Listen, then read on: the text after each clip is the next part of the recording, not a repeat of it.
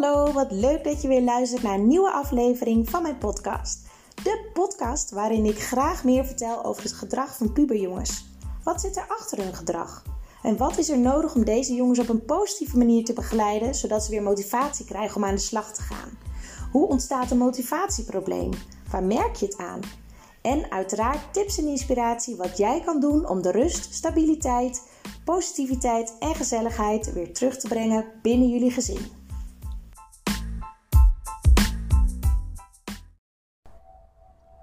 Hallo, leuk dat je weer luistert naar een nieuwe podcast. Uh, vandaag een podcast over de boosheid van onze pubers. En uh, misschien ken je het wel. Uh, je, je, zoon of dochter heeft de hele dag gewerkt voor een bijbaantje of heeft ehm, een hele lange schooldag gehad. Dus je hebt elkaar een hele dag niet gezien. En komt thuis en je hebt zoiets van: Goedemiddag, goedenavond. Hoe was je dag? Het enige wat je puber kan doen is boos reageren en, huh, en laat me met rust en uh, direct naar de kamer gaan en wat dan ook. Dat jij zoiets hebt van: Nou, doe eens niet zo respectloos. Je kan toch wel gewoon even antwoord geven op mijn vraag. En dat je echt gefrustreerd voelt daarover. En dan is de vraag heel vaak van, van ouders: ja, dat is toch niet te veel gevraagd? Even zeggen hoe je dag is geweest en klaar. Maar als je het eventjes vanuit allebei de kanten bekijkt. Jij als ouder hebt de behoefte om even contact te maken met je puber. Want je hebt elkaar een hele dag bijvoorbeeld niet gezien. Dus jouw behoefte is om eventjes een praatje te maken, je betrokkenheid te tonen. Uh, dat de ander ook even de betrokkenheid uh, richting jou toont door gewoon antwoord te geven.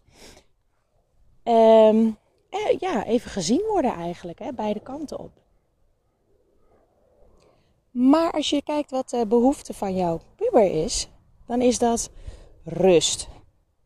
Helemaal niks moeten, gewoon even uit mogen staan even chillen, zoals ze dat zelf vaak noemen. Even op je mobiel. Uh, gewoon thuis niks. En die twee behoeftes botsen dus.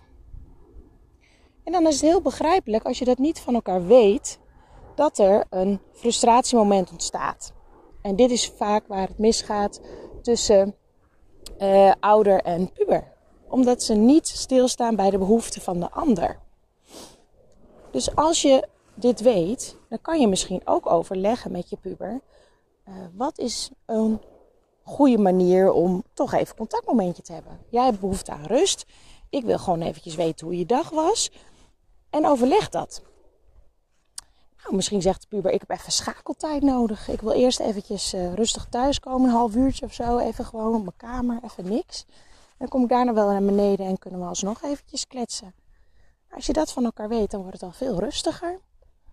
En dan gaat het allemaal veel makkelijker. En zo is het ook met bijvoorbeeld een stage zoeken. Ik hoor daar heel veel ouders vaak over klagen. En uh, bijvoorbeeld, iedereen heeft al een stage behalve mijn kind. Het interesseert hem geen ene donder. Hij doet er helemaal niks voor.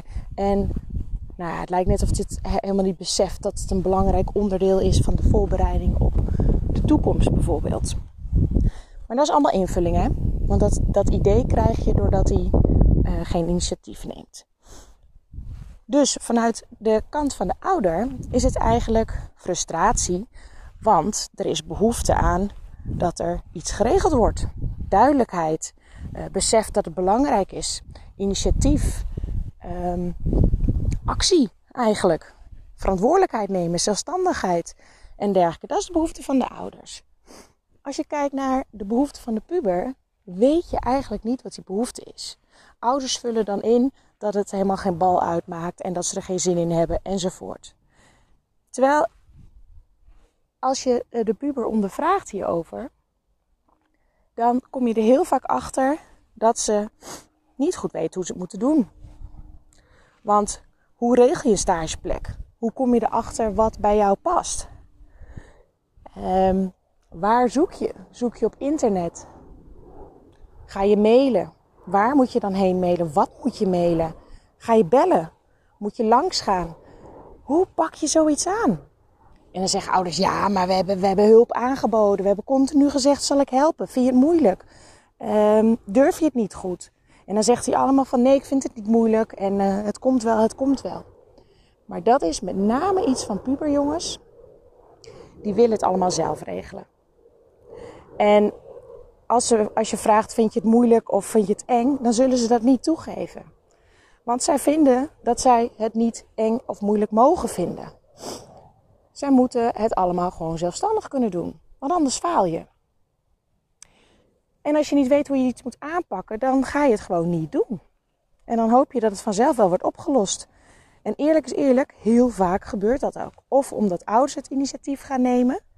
die, die gaan toch een stageplek via via regelen, waardoor het uiteindelijk wordt opgelost. En daardoor leert je puber alsnog niet om het zelf te doen. Want hij leert dan, joh, als ik me afwacht, wordt het wel voor me opgelost. En zo sprak ik van de week ook een ouder en die had ditzelfde probleem. En eh, toen zei ik, heb je ook wel eens gevraagd hoe hij zelf daarin staat, waarom die niks doet, hoe die denkt dat het opgelost wordt. En het antwoord van haar zoon was, ja, school heeft gezegd als je 3 september nog steeds geen uh, stageplek hebt, dan moet je even bij ons langskomen, bij, de, bij het stagebureau. Of uh, bij, de, bij de decaan of iets dergelijks. Want dan gaan we kijken of wij nog een stageplek voor jou hebben, een plekje. Dus uh, dat komt wel goed. Dus wat heeft deze jongen daarvan gemaakt? Als ik het zelf niet doe, wordt het uiteindelijk voor mij geregeld door school. Dus ja, dan ziet hij niet de noodzaak wellicht om heel erg uit zijn comfortzone te gaan en het zelf te gaan regelen. Dat kan.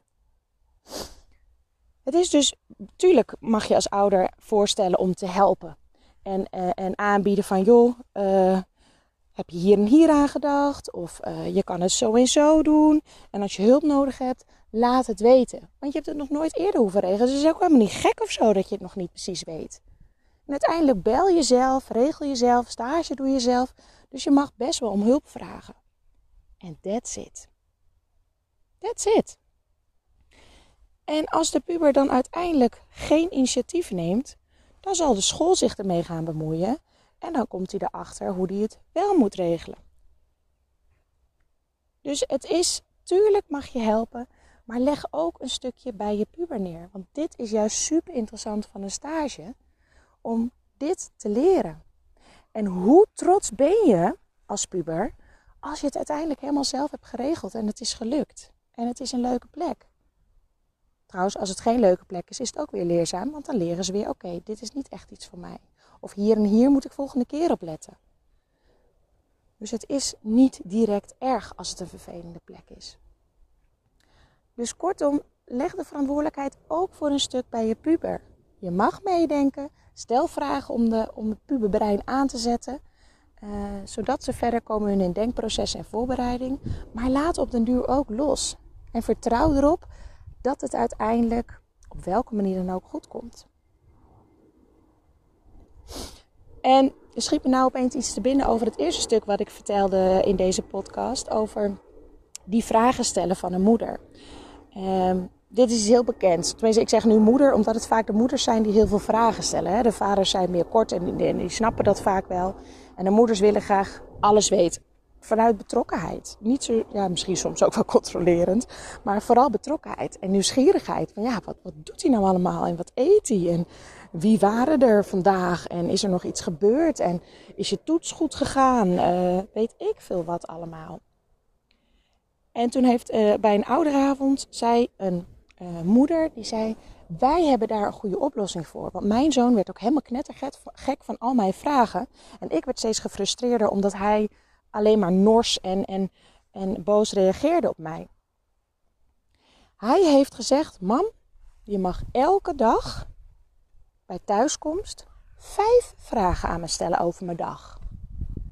En dat zijn ze gaan doen. En deze jongen zegt dus op den duur: Mam, je vragen zijn op. En dat is het teken voor deze moeder dat ze moet stoppen met vragen stellen. Nou, ik vond dat een prachtig voorbeeld. En dat is ook wat ik bedoelde in het eerste deel van de podcast. Uh, overleg samen hoe het wel werkt.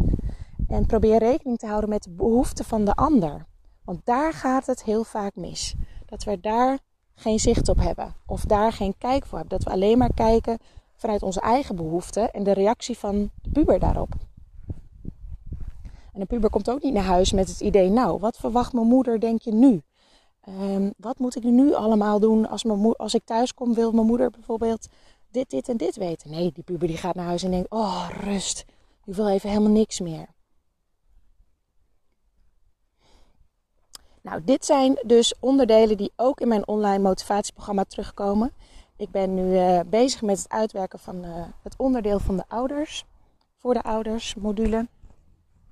En er komt ook nog een, uh, een stuk voor de pubers. En een overlap, zodat je met elkaar in gesprek gaat over de dingen die je allebei hebt gezien, gehoord en gedaan via het programma. Wil je er meer over weten? Wil je op de hoogte blijven? Laat het me dan weten. Stuur gerust een mailtje naar Marieke. Heel veel succes vandaag!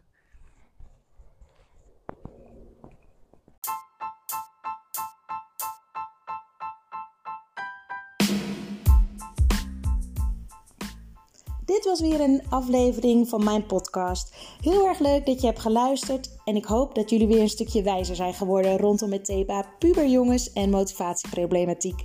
Wil je meer weten? Ga dan naar www.coachpraktijkblijleven.nl.